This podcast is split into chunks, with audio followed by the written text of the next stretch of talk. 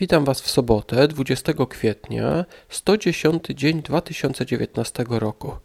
Do końca roku pozostało 255 dni. Ja znalazłem kilka takich ciekawych myśli, ciekawych dla mnie, mam nadzieję, że także dla Was.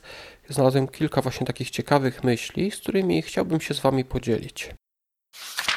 Księga Kapłańska, rozdział 20. Kary za bałwochwalstwo oraz niemoralność. Werset 21 już omawiałem w 2018 roku y, dość dokładnie.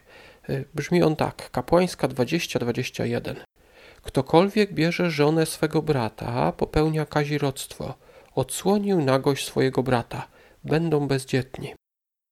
Interpretacja tych słów doprowadziła do odłączenia się Kościoła Anglikańskiego. Jeżeli Was to interesuje, to odsyłam Was właśnie do podcastu z 2018 roku, do tego, w którym omawiałem kapłańską rozdział 20. Ja dzisiaj chciałbym się skupić na Molochu. Kapłańska 20 rozdział, werset 2 mówi tak.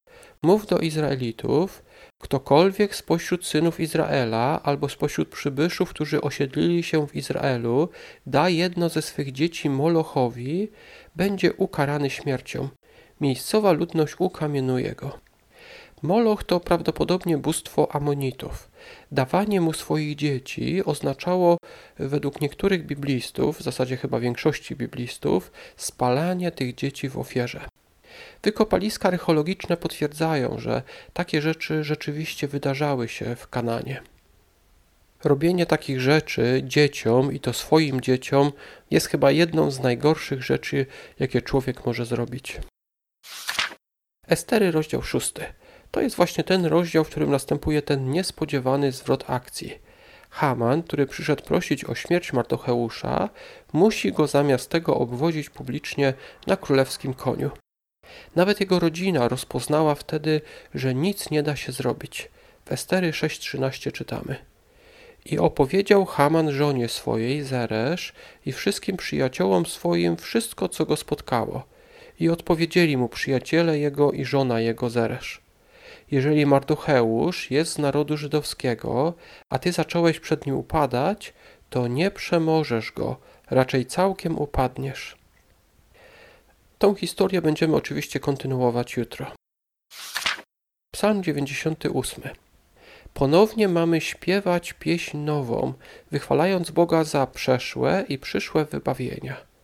Psalm 98, werset 9 mówi tak. Przed obliczem Pana, bo nadchodzi, bo nadchodzi sądzić ziemię. On będzie sądził świat sprawiedliwie i według słuszności ludy. Ten ostatni dziewiąty werset mówi chyba o przyszłym dniu sądu. E, ten sąd dla prawych będzie oczywiście dniem wybawienia. Werset też podkreśla, że Bóg będzie sądził świat, świat sprawiedliwie. Księga Przysłów, 12 rozdział, wersety 7 do 9. Niektórzy ludzie żyją ponad stan. Dla nich najważniejsze jest to, jak inni ich postrzegają. Księga Przysłów 12:9 właśnie o tym mówi. Lepiej być prostym, ale mieć pracę, niż pysznić się nie mając chleba. W Biblii Warszawskiej ten werset brzmi tak: Lepiej być skromnym i pracować na siebie, niż udawać wielkiego i nie mieć na chleb. Nie ma sensu udawać przed innymi kogoś bogatego. Świadczyłoby to o tym, że najbardziej zależy nam na opinii ludzi, na którą naprawdę nie zasługujemy. Lepiej być skromnym. Taka cecha Skromność to jest taka cecha, taka umiejętność patrzenia na siebie i dostrzegania naszych braków. Ktoś skromny nie ma potrzeby popisywania się tym, czego nie posiada. Myślę, że to jest taka dobra, dobra rada. Szczególnie chyba w naszym kraju y, jest z tym problem, bo przecież nawet mamy przysłowie: zastaw się, a postaw się. Ja już dziękuję Wam za wysłuchanie do końca. Zapraszam Was do kolejnego odcinka jutro. Do usłyszenia.